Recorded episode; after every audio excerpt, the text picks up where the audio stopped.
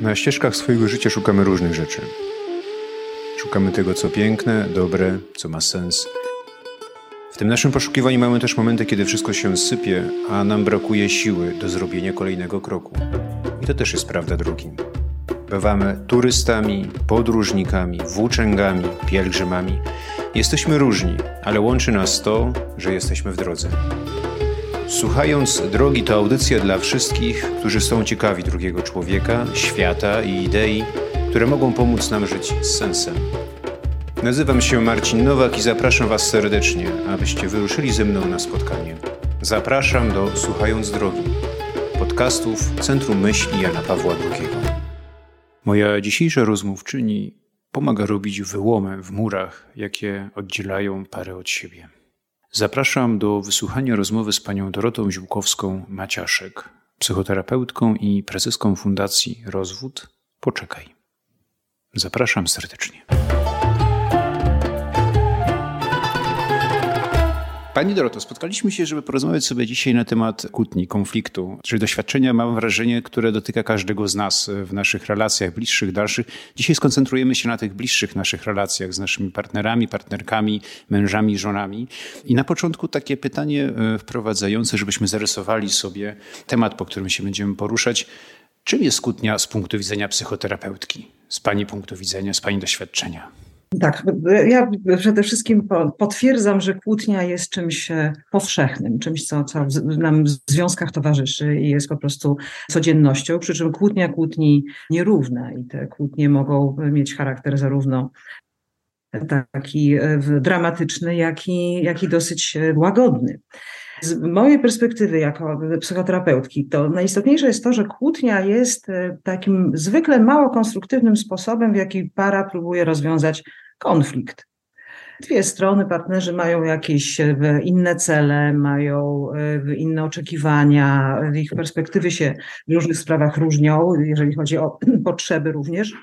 I e, wybierają taką drogę, no często dlatego, że nie wiedzą, co innego mogą z tym konfliktem zrobić. I to, co jest ciekawe, to kłótnia zawsze pokazuje, że naprawdę chodzi o coś ważnego. Nawet jeżeli ona na poziomie takim zewnętrznym wydaje się kompletnie błaha, i często pary same o tym mówią, że właściwie to, to no, kłóciliśmy się cały tydzień, ale na pytanie o co, to mówią z takim pewnym zażenowaniem, że tak naprawdę nie wiemy o co, o co myśmy się kłócili. No nie wiem o co, no ja też nie wiem o co. Albo kłóciliśmy się o te już anegdotyczne skarpety na, na środku pokoju. Natomiast można powiedzieć, że e, ilość energii, to pole rażenia, jakie kłótnia e, ze sobą niesie, wskazuje na to, że chodzi o ważne rzeczy że często te, te skarpety to jest na pewien kamuflaż. My się na tym skupiamy, natomiast chodzi o tematy ważniejsze, bo para jest gotowa zaryzykować równowagę y, w relacji. Używa dużej energii, używa dużych emocji, używa y, bardzo dosadnych y, momentami słów, często nadmiarowych, takich, które na co dzień by były zbyt duże do opisania tego, co się, co się dzieje. A więc obu stronom o coś ważnego chodzi, tylko czasami nie wiadomo do końca o co. To jest ten taki nie, nie, niekonstruktywny kawałek kłótni, że my się możemy pokłócić i, i właściwie wyjść z niczym. Natomiast nawet w tych mało konstruktywnych kłótniach może być taki pozytywny efekt uboczny kłótni. A więc e, z kłótni mogą wynikać dobre rzeczy i ona może być zaproszeniem do tego, żeby po kłótni spotkać się i popracować nad tym, co jest naprawdę dla pary e, istotne.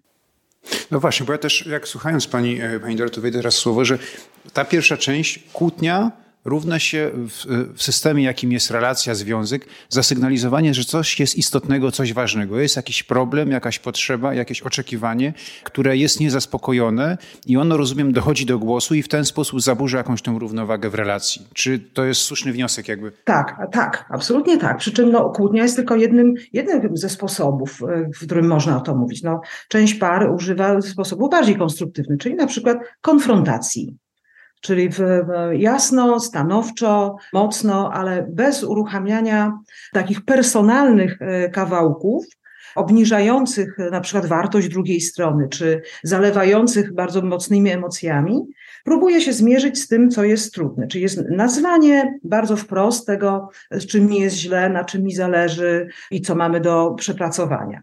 Tam można różne rzeczy negocjować. Można się spierać bez używania e, zbyt dużych emocji. W kłótni bardzo istotne jest to, że my przechodzimy szybko na ten poziom personalny i zaczynają się te personalne ataki. U jednych par będą łagodniejsze, u innych będą mocniejsze, ale zawsze jest to zaangażowanie tego naszego ja. Nie rozmawiamy tylko o sprawie, tylko rozmawiamy o sobie nawzajem. I to jest bolesne w kłótniach.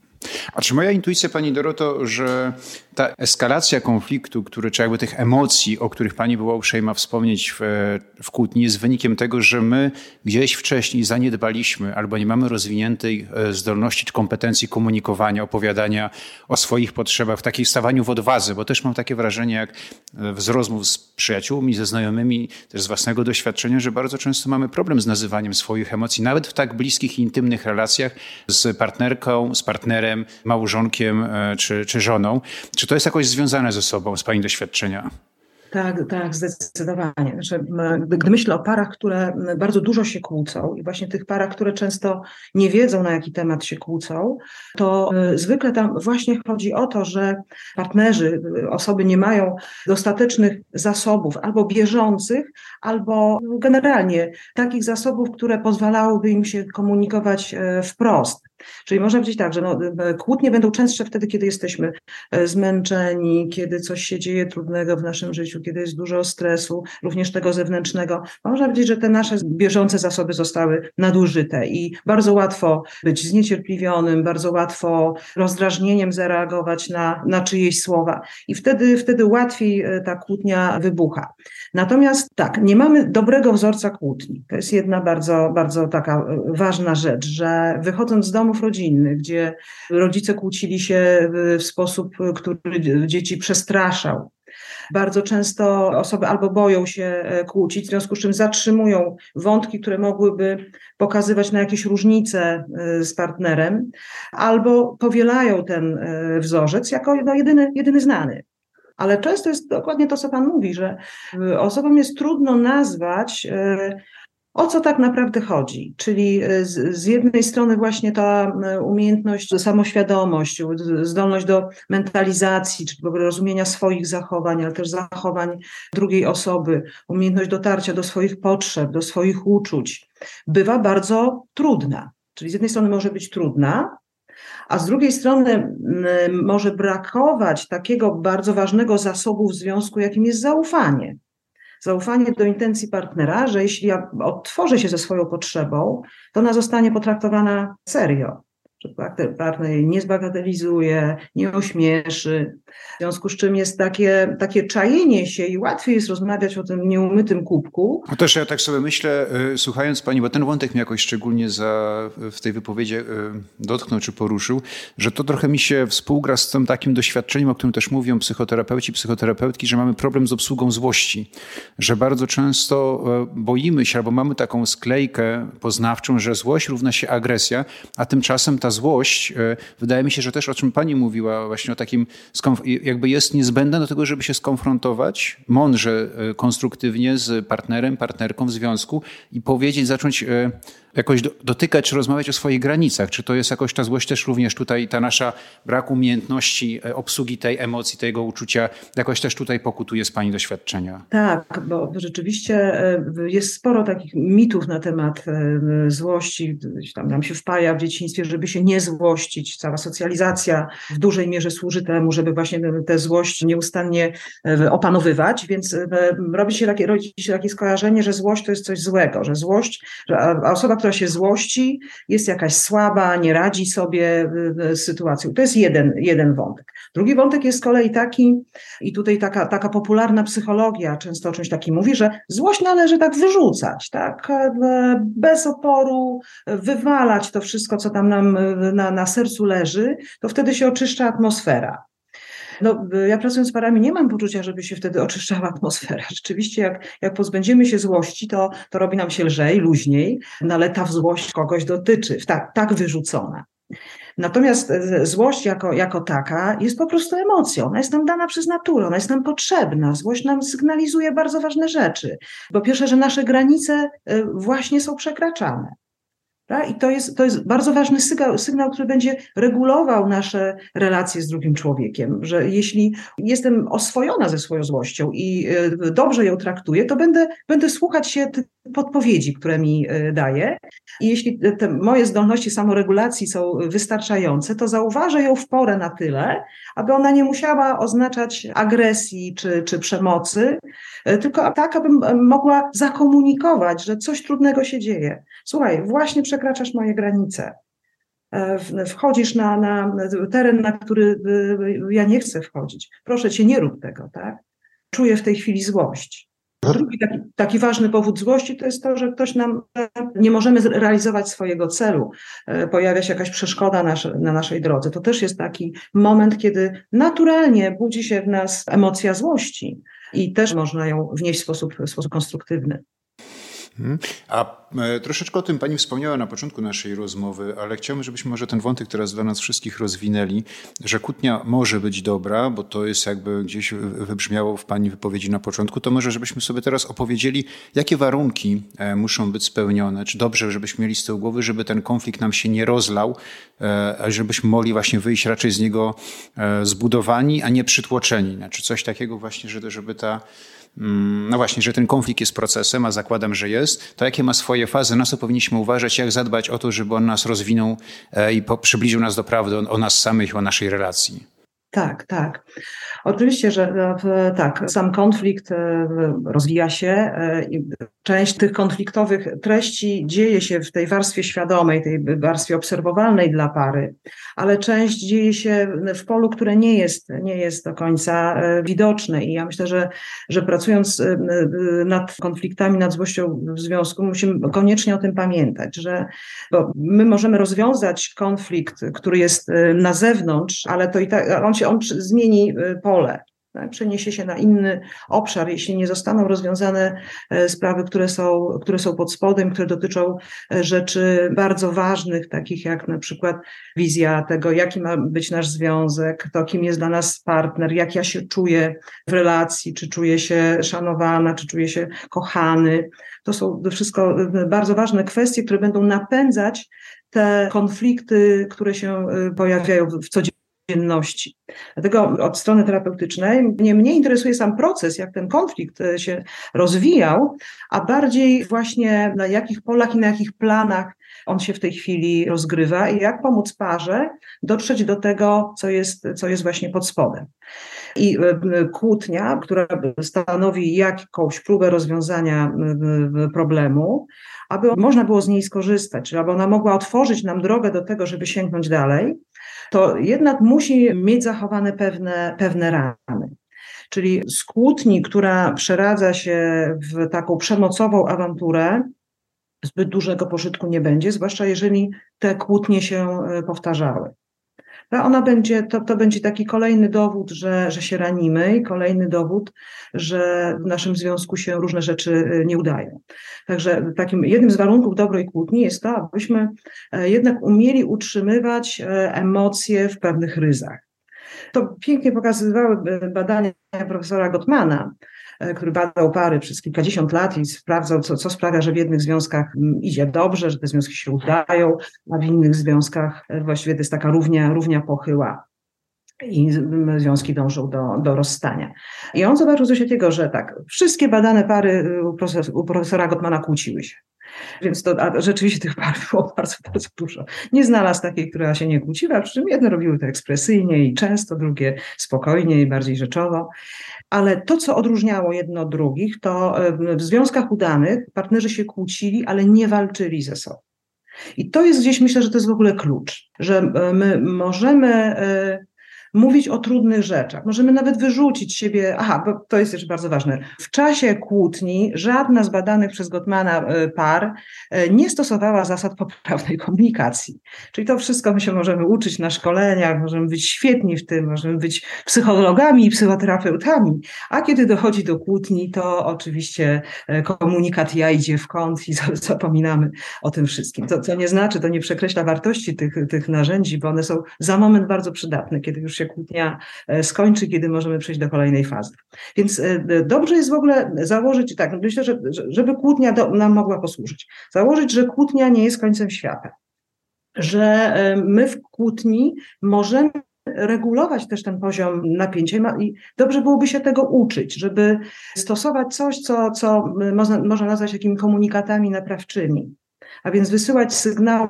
To robią właśnie te, te Gottmanowskie inteligentne emocjonalnie pary, że regulują poziom emocji, poziom napięcia e, w związku w czasie kłótni. Kiedy te emocje idą zbyt wysoko, to jedno albo drugie robi coś takiego, co je obniża. Czyli na przykład mówi, słuchaj, y, idziemy zbyt daleko, y, zróbmy chwilę przerwy, y, wróćmy do tej rozmowy za chwilę. Albo na przykład, przepraszam, powiedziałam coś, co, co jest e, karygodne. Bardzo cię przepraszam. Nie chciałabym wytrzeć te słowa, gdyby było tylko, tylko taka możliwość, tak?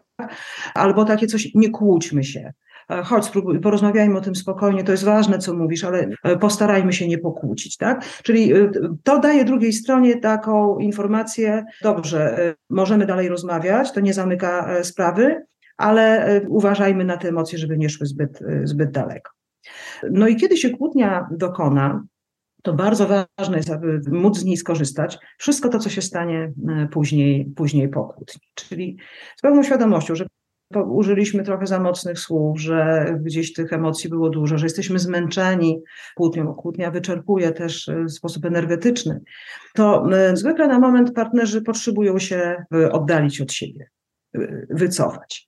I fajnie, kiedy już po paru takich e, doświadczeniach my już umiemy rozpoznawać te swoje rytmy. Kiedy wiemy, że, że to wycofanie e, nie jest zerwaniem relacji, tylko jest takie, powiedziałabym, e, prorelacyjne.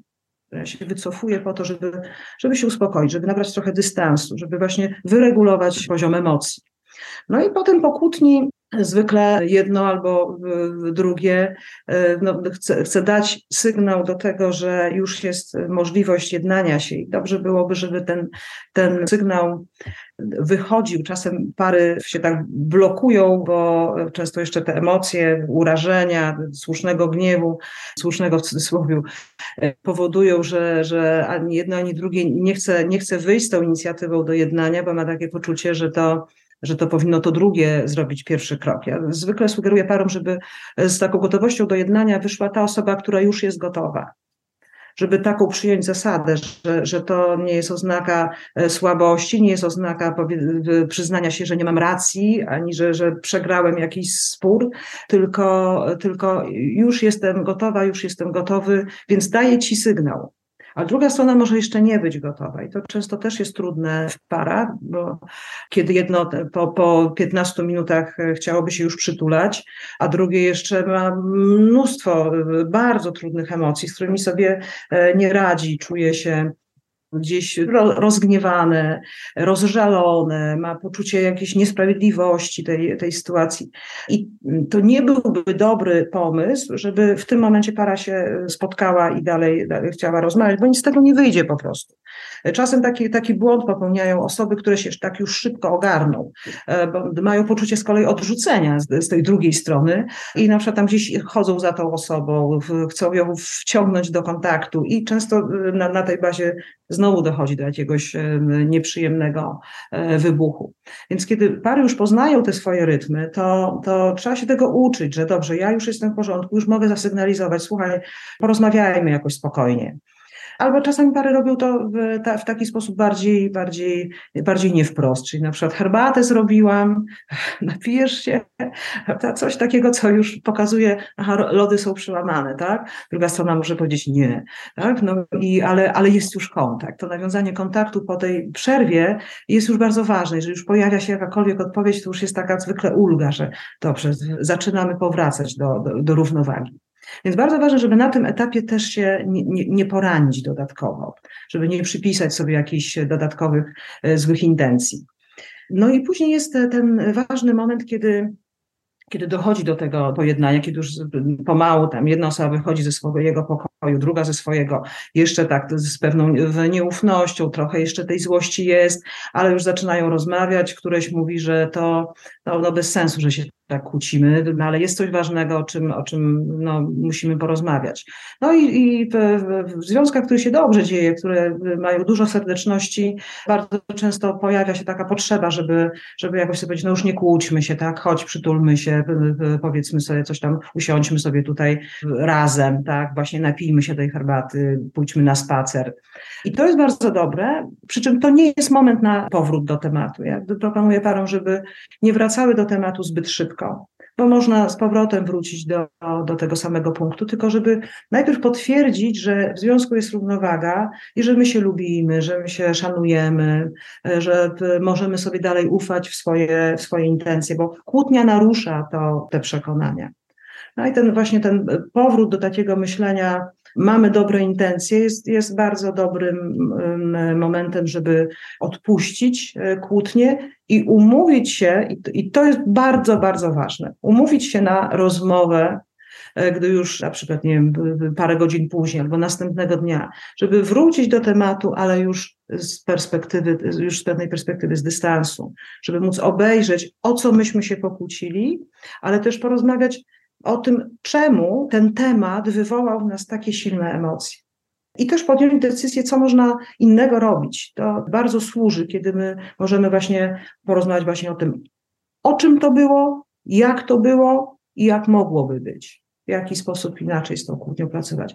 I, e, i wtedy rzeczywiście z kłótni wynika wynika korzyść i e, pary to mówią również w gabinecie. Szczególnie te pary, które się nie kłócą często, gdy od czasu do czasu dojdzie do kłótni, to mają właśnie takie poczucie, że no tak, pokłóciliśmy się, to było, to było trudne, ale kurczę, dobrze nam to zrobiło, bo zaczęliśmy rozmawiać o tam jakimś wątku, y, który, który do tej pory był skrywany. W kłótni to wyszło na, na, na takiej bazie wyrzucenia z siebie emocji w sposób niekonstruktywny, a potem można było do tych wątków e, trudnych wrócić. Czy ja rozumiem, że, kłó, że kłótnia też pełni taką rodzaj, tak jak pani o tym mówi, oczyszczenia pewnej atmosfery, zrobienia miejsca na nagromadzone emocje, wiadomo, które są też trochę synonimem energii, którą sobie niesiemy, do tego, żeby zacząć poznawczo, konstruktywnie jakoś się spotykać z tym, co było zasygnalizowane przez tą nabrzmiałe emocje, które gdzieś tam były skrywane w takiej codzienności. Tak, tak, tak to właśnie widzę, że, że, że kłótnia może właśnie tak torować drogę do tych ważnych treści, też uwalnia, uwalnia napięcie. Tak? Często możemy, kiedy, kiedy konflikt już e, narasta, kiedy on już e, jest w tej fazie dosyć jawnej, ale jeszcze no, nie przetworzonej w żaden sposób, to e, w relacji jest bardzo dużo napięcia. Ludzie tam mówią sobie jakieś różne rzeczy pod nosem, często właśnie jakoś nie wprost, często pokazują ciałem, że, że są z czegoś niezadowoleni, że coś im się nie podoba. I to napięcie jest niesłychanie trudne i obciążające. I kłótnia pomaga je zredukować, zlikwidować i można powiedzieć, że to no trochę tak jak właśnie jak burza, która powoduje, że to, to zgęstniałe, zbyt gorące, ciężkie powietrze jest po prostu odświeżone. Pani Doroto, rozmawialiśmy teraz o tym konflikcie, który ma swoje procesy i który kończy się, czy może się skończyć pozytywnym doświadczeniem, czymś, co wzmacnia parę. Ale chciałbym też jeszcze porozmawiać o tym drugim rodzaju konfliktu, kiedy, i czy on też, zadać też pytanie, czy on też ma fazę, kiedy ze zdrowego konfliktu, w pewnym sensie zdrowego, który sygnalizuje coś istotnego, on przekształca się w tak zwany, nie wiem, toksyczny konflikt, chory konflikt, kiedy to napięcie, o którym pani przed chwilą mówiła, wisi nie kilka dni, nie kilka nawet tygodni, ale to się zaczyna zamieniać, już jakby obudowywać swoimi nawykami na miesiące, lata. Czy ten, jakby to doświadczenie takiego właśnie procesu, tej przemienienia tego konfliktu ma też swoje fazy, czym się ono charakteryzuje i na co powinniśmy uważać, żeby nie dopuścić do tej sytuacji, kiedy nam się powinna zapalić lampka. A to też pytam w kontekście, bo rozmawialiśmy troszkę na początku o agresji e, i o takich oczywistych przykładach agresji, nie wiem, właśnie przemocy, ale mam wrażenie też, jak trochę rozmawiając wcześniej z e, psychoterapeutami, psychoterapeutkami, też czytając i przygotowując się do naszej rozmowy, że jest taki taki rodzaj agresji tak zwanej cichej, właśnie nie wiem, milczenie, nieodzywanie się. I to może jakbyśmy też mogli o tym w tym kontekście tego procesu zamienienia się w konflikt taki toksyczny, mogła, Pani mogła nam o tym troszeczkę powiedzieć, jak to wygląda z Pani doświadczenia i wiedzy. Tak.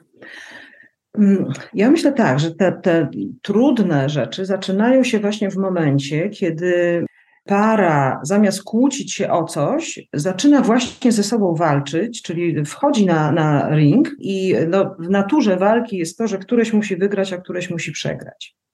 Jeżeli para w porę tego nie zauważy i nie, nie zejdzie z ringu, żeby się zająć sprawą, to e, ten konflikt ma szansę rozciągnąć się na, na, na bardzo długo. Czyli on, można powiedzieć, że ta kłótnia się w jakimś sensie nie skończyła. Czyli e, ja często mówię na, na, na, na różnych warsztatach, że, że jeżeli jedno w związku wygrywa, to znaczy, że to drugie przegrało, a to znaczy, że przegrywa związek, bo związek się w tym momencie e, osłabia, zaczyna, zaczyna być ciągnięty w dół. To jest właśnie taki, taki moment, kiedy mm, myślę, że jakimś sygnałem ostrzegawczym, bo to, to może być ważne, to, to o co Pan pyta, żeby tak sobie uświadamiać, że, że to jest taki niebezpieczny moment. To jest to, kiedy duża część naszych myśli a propos partnera polega na tym, co on zrobił nie tak, jak go tutaj na czymś złapać, o tutaj mam pewien haczyk, a tutaj z czegoś się nie wywiązał, a więc można powiedzieć, że tak zbieram takie czarne żetony na partnera. I kiedy właśnie zaczynam myśleć, że niezbyt go lubię, to jest bardzo, bardzo, powiedziałabym, już nawet zaawansowany moment ale gdzieś, no tak jak no, w tych bardzo trudnych związkach, te doświadczenia negatywne, doświadczenia raniące, naruszające nasze granice, one, one przeważają nad tymi dobrymi, więc kiedy zmienia się taka proporcja, profesor Gottman mówi o złotej proporcji 4 do 1, że w dobrym związku na cztery pozytywne komunikaty, interakcje przypada jedna negatywna. Ta, jak ta proporcja się dramatycznie zmienia, a czasem na, na warsztatach dla par w kryzysie pary mówią, że się zmienia, że jak sobie to próbują wyliczyć, to tak 27 do 1, tak, więc e, negatywów do pozytywu, tak. Więc e, to, to pokazuje, że, że jesteśmy już w bardzo mocnym, mocnym kryzysie. I ten źle, czyli nawet pary tworzące udane związki wejdą czasem na ten ring, ale wyciągają z tego wnioski. Czyli mówią, pokazują, co się wydarzyło i, i pilnują, żeby właśnie do walki nie dochodziło. Czyli stosują te komunikaty naprawcze, utrzymują tę temperaturę tak, aby kierować uwagę na, na problem, a nie na nich samych. To osłabianie się y, nawzajem jest, jest bardzo, bardzo trudne i ono taki toksyczny, taką truciznę do związku wkłada. No i faktycznie, ja myślę sobie, że do, do, kiedy para jest w tym jawnym konflikcie, to dużo łatwiej z tym coś robić, również dlatego, że ten konflikt jest taki, mm, taki wyraźnie bolesny dla, dla innych. No i wiadomo, my się kłócimy. Natomiast część osób e, w pewnym momencie, kiedy już doświadczy bardzo dużo zranień, krytyki, pogardy, e, chowa się za taki kamienny mur. Za tym kamiennym murem który z pozoru, tak gdyby jakiś obserwator, który patrzy przez okno, mógł popatrzeć na, na parę, to można by powiedzieć, no, no nie, no nic się nie dzieje, no tam e, podają sobie kubek, kiedy jest taka potrzeba, odprowadzają dziecko do przedszkola, coś tam robią. Natomiast tego napięcia jest bardzo dużo i agresji, która dzieje się w, w tle właśnie takiej, takiej podskórnej, e, podskórnej e, agresji. Gdyby ten obserwator wszedł do tego mieszkania, to poczułby, że, że, że tej agresji jest bardzo dużo, bo my umiemy wyczuć ten, ten klimat takiej właśnie wrogości, nie, nie, nieprzychylności. I problem właśnie z tą, z tą cichą agresją jest taki, że najpierw trzeba dotrzeć do, żeby, żeby to przepracować, trzeba dotrzeć do tej czynnej, do tej jawnej złości i dopiero potem popracować nad tą złością, żeby dojść do, do jakichś rozwiązań. Więc jest to, jest to jeszcze bardziej złożone, bo, bo trzeba się przebić przez ten mur. No i oczywiście tych, tych sposobów na, na to, to bierny sposób wyrażania złości jest, jest bardzo dużo tutaj z takich najczęściej stosowanych, to jest właśnie na przykład obrażenie się, tak? Ludzie się, ludzie się obrażają, więc i tym swoim obrażeniem no, wywierają wpływ na to, na to drugie. Wyobraźmy sobie, że jedna osoba doświadcza taki, takiego sposobu agresji, więc pozornie no, nic się nie dzieje, bo no, nie, ma, nie ma zarzutów wprost, ale, ale nie można do tej osoby dotrzeć. Tak? Chodzi, chodzi Nadonsana, patrzy na nas z góry. To jest niesłychanie trudne doświadczenie dla tej drugiej, drugiej osoby. Czyli te, generalnie bierna agresja e, sprawia, że agresja jest w jakimś sposób, jest, jest zakamuflowana i ona jest przenoszona na, na drugą stronę. Druga strona doświadcza bardzo dużo trudnych uczuć, złości, jakiegoś e, poczucia winy, głębokiego rozżalenia, często lęku a osoba, która, która w, w tym momencie jest w tym sposobie przeżywania agresji, no jest pozornie chroniona. Ma takie, no, czego może być, no przecież nic takiego się nie stało, tak? Też takie, takie to, to czasem widać, gdy się obserwuje pary, różne rzeczy dzieją się takich związkach, no właśnie tak nie wprost. Więc pozornie e, para funkcjonuje normalnie, ale na przykład no nie, nie można zrealizować różny, różnych ważnych e, celów, bo ta współpraca nie wychodzi. Bo na przykład jedna ze stron nieustannie o czymś zapomina. I to jest, no może być no w jakimś sensie to jest niewinne, bo to jest ten kamuflaż niewinności. No, no, no, zapomniałam, czy zapomniałem, no to przecież to nie zależy ode mnie. Ale jeśli coś się powtarza bardzo często, to może to świadczyć o tym, że pod spodem jest bardzo dużo, dużo agresji. Nawet, nawet, nawet w komplementach może się e, przejawiać e, agresja, kiedy komplement ma drugie dno, które jest bardzo nieprzyjemne dla, dla osoby, która, słucha. Także to mówię o takich sytuacjach, kiedy właśnie para stara się nie nazywać uczuć agresywnych, a, a ten konflikt się sam dzieje.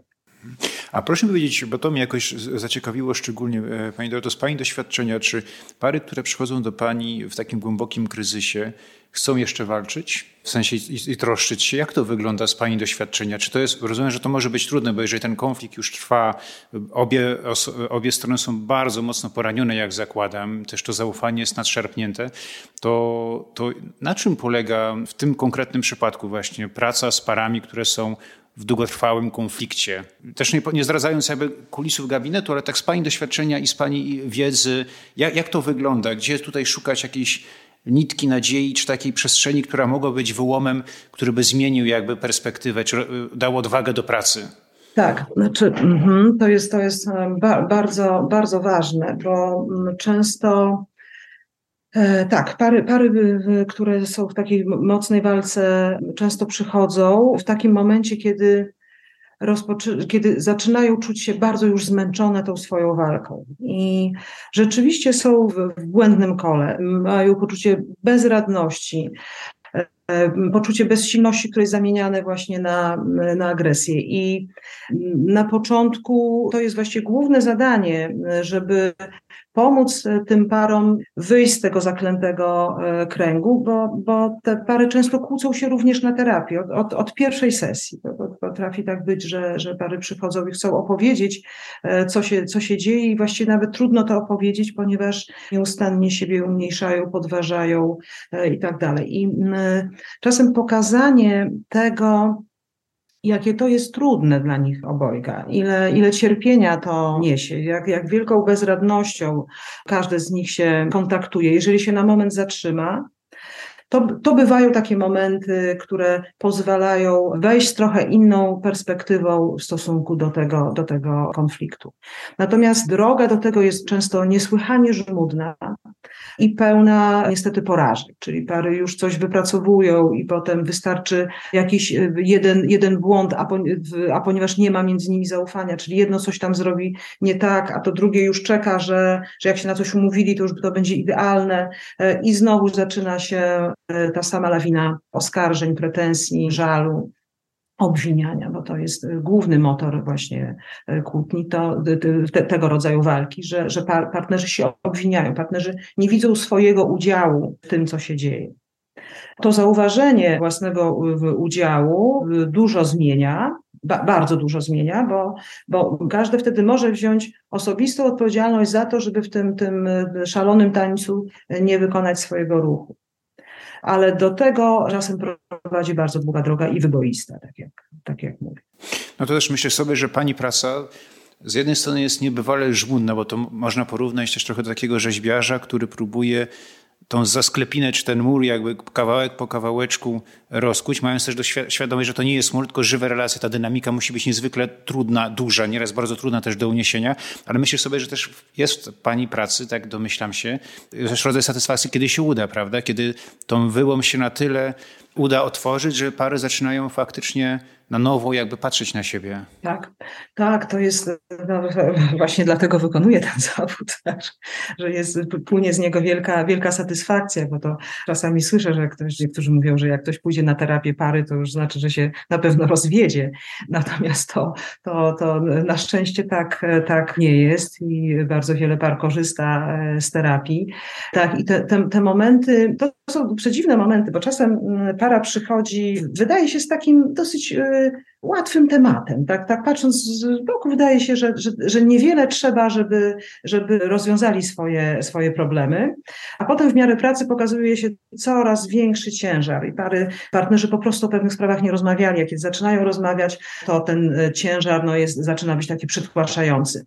E, a czasem zdarza się, że para przychodzi z ogromem różnych właśnie urazów, zranień, całą historią taką. Te, te spirale odwetowe były uruchomione przez długi czas. I może się wydawać, że ta praca będzie bardzo trudna, a potem się okazuje, że pewne drobne rzeczy y, powodują radykalną zmianę. A mi takim, e, takim momentem bardzo odkrywczym było zobaczenie, że kiedy do związku wraca serdeczność, to w zasadzie już możemy wziąć, e, wziąć oddech. Kiedy partnerzy zaczynają z serdecznością o sobie myśleć, kiedy, czyli to, co Pan powiedział o takim troszczeniu się, tak? kiedy się, się pojawia, może troszczenie to jeszcze troszeczkę później, ale, ale właśnie takie jakieś pozytywne nastawienie, e, właśnie kawałek e, życzliwości, pomyślenie o tym drugim, przypisanie dobrej intencji. I e, czasem zdarza się, że tak nie, niemal magicznie, to jest jakaś długa praca, a potem wydarzy się parę jakichś takich zwykłych, dobrych rzeczy i para tak jakby wskoczyła na, inny, na inną orbitę i zaczyna, zaczyna inaczej się ze sobą e, komunikować.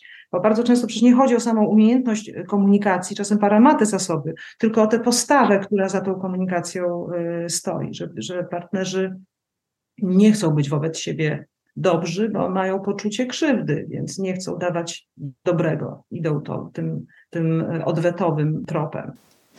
Pani Doroto, już powolutku zbliżając się do, e, do końca naszej rozmowy, ale przygotowując się do naszego spotkania i odwiedzając też Państwa stronę, ta rozmowa też tego jest wyraźnym przykładem. Widać, że Państwo robicie bardzo dużo do tego, Pani razem z zespołem, aby do tego rozwodu nie dopuszczać, czy jakby dać jeszcze przestrzeń na refleksję. Ale też, i to mnie jakoś szczególnie uderzyło pozytywnie, jak już do tego rozwodu dochodzi, to również Pani z Pani koleżankami, kolegami macie też propozycję czy ofertę dla osób, żeby nie zostawić tych osób samych w tym procesie jakby rozwodu. Moje pytanie jest takie, dlaczego to jest tak ważne, aby ten proces rozwodu był przeżywany w towarzystwie ekspertów, kogoś, kto będzie jakby z boku pomagał, wskazywał, jak mądrze to zrobić, no bo domyślam się, ale chciałbym to też usłyszeć Pani, myślę sobie, że doświadczenie rozwodu jest swego rodzaju żałobą, stratą, też niesamowicie nacechowaną e, ogromnym ładunkiem emocjonalnym. W sytuacji, kiedy są jeszcze dzieci, e, to wszystko może się, że tak powiem, nawarstwić, ale chciałbym usłyszeć właśnie od Państwa,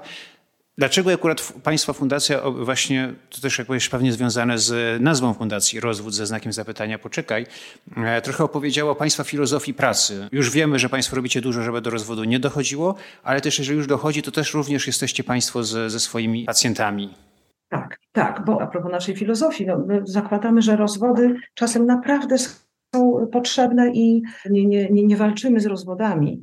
Czasem e, trwanie w związku przynosi tak wiele szkód e, dla, dla, dla tej pary, dla całego systemu, których no, nie sposób przepracować. Często mają całą historię prób pomocy i e, nic z tego nie wynika. I w momencie, kiedy dzieje się, dzieje się przemoc, dzieją się nadużycia różne w związku, kiedy związek nie ma bazy w postaci, w postaci zaufania, w postaci szacunku, bądź któreś w ogóle nie chce podejmować takiej pracy, to, to rzeczywiście my myśl o tym, żeby e, te, ten związek koniecznie scalać, może nie być tą najlepszą, tą najbardziej sensowną. i osobiste, i społeczne zyski z tego mogą być żadne, oprócz tego, że para, że para jest.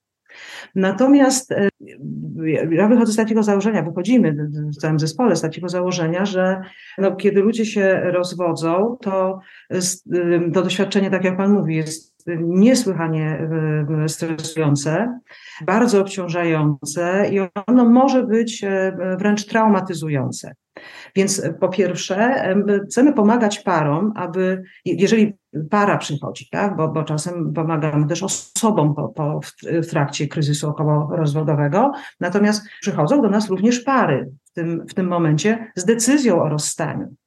I wspieramy te pary, aby mogły przejść przez ten proces w taki sposób, aby minimalizować koszty, te emocjonalne i, i generalnie społeczne dla nich i dla ich dzieci. To jest coś niesłychanie ważnego, kiedy ja jestem pełna podziwu dla tych par, które w takim momencie decydują się przyjść po pomoc, właśnie e, od razu od progu mówiąc, myśmy już decyzję podjęli, natomiast e, chcielibyśmy jakoś chronić nasze dzieci. Jest w nas jeszcze dużo emocji, chcemy o tych emocjach porozmawiać, chcemy jakoś współpracować ze sobą jako rodzice. I to jest no, ba, bardzo, bardzo piękna, piękna idea, żeby właśnie w taki sposób o tym myśleć, tak, że nasz związek się nie udał, my już wiemy, już, już y, nie ma tu już na czym, to, to jest po prostu absolutnie y, gruzy, ale, ale kochamy nasze dzieci, nie chcemy ich narażać na, na, na niepotrzebny, zbyt duży stres, a i tak tego stresu doświadczają przecież, tak. Więc mm, pomagamy tym parom, aby właśnie mogły, mogły przejść przez ten proces, raniąc się możliwie mało albo w ogóle i wypracować e, porozumienie rodzicielskie. Ale też pracujemy z osobami po rozstaniach albo w trakcie rozstania. Na przykład e, koleżanka prowadzi grupę wsparcia dla osób, e, dla rodziców w kryzysie okołorozwodowym. Bardzo często przychodzą do tej grupy osoby, które, gdzie ten proces rozstawania się jest niesłychanie bolesny gdzie często e, w domu jest e, dużo mm, takich trudnych zjawisk, e, uzależnienia, przemoc, ale też taka przemoc około rozstaniowa. I osoby te po prostu potrzebują wsparcia, żeby móc funkcjonować, żeby oczami innych spojrzeć na swoją sytuację, żeby dostać pewne wskazówki, jak sobie radzić, żeby pracować nad obniżeniem stresu, ale żeby też pracować nad tym, jak w tym wszystkim ja mam tym rodzicem być kiedy jestem cały przytłoczony czy przytłoczona tym wszystkim, co się dzieje, kiedy myślę, że sobie nie radzę, kiedy boję się przyszłości, to jak w tym wszystkim być dobrym rodzicem? Jak na przykład dziecka nie wciągać za bardzo w moje sprawy, żeby nie doszło do takiego niekorzystnego e, zjawiska parentyfikacji, kiedy dziecko, kiedy następuje zamiana ról, dziecko zaczyna pełnić rolę e, dorosłego. Ale też w czasie grupy osoby przerabiają stratę czyli no, jest to okazja do tego, żeby, żeby bezpiecznie opłakać e, rozstanie, żeby pewne rzeczy sobie podsumować, ale żeby zobaczyć, że potem dalej też jest życie i że można to życie e, dalej planować, i, e, ale też wyciągać wnioski z tego, co się wydarzyło czasem też e, spróbować spojrzeć na, na to doświadczenie nie tylko w czarnych barwach, czyli zobaczyć, że dobrze, ten związek nie wyszedł, ale czy to znaczy, że to jest e, jakiś zmarnowany czas mojego życia, że nie wiem, 20 lat jest do wyrzucenia? No nie, przecież i tutaj e, ludzie uczą się dostrzegać, co, co dobrego było w, tamtym czasie, co, z jaką mądrością wychodzę z tego e, doświadczenia, co ostatecznie pozwala przywrócić równowagę, a to dla całego systemu jest oczywiście bardzo, bardzo potrzebne, bo, bo dzieci potrzebują rodziców, którzy, którzy są stabilni.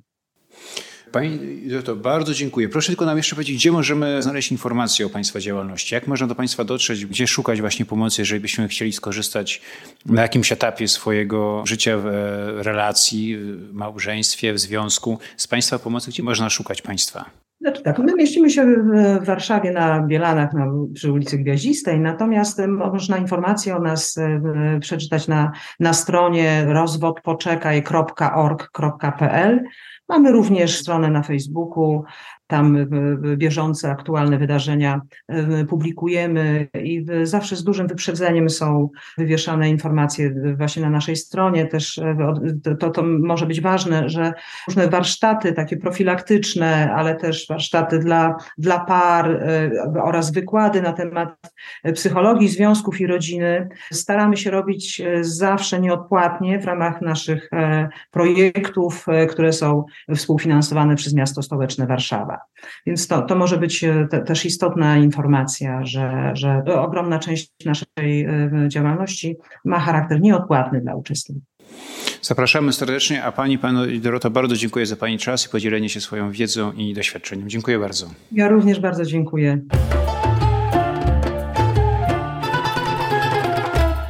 Dziękuję Państwu za to, że byliście z nami. Zapraszam serdecznie do słuchania kolejnych odcinków Słuchając Drogi, podcastów Centrum Myśli Jana Pawła II. Do usłyszenia.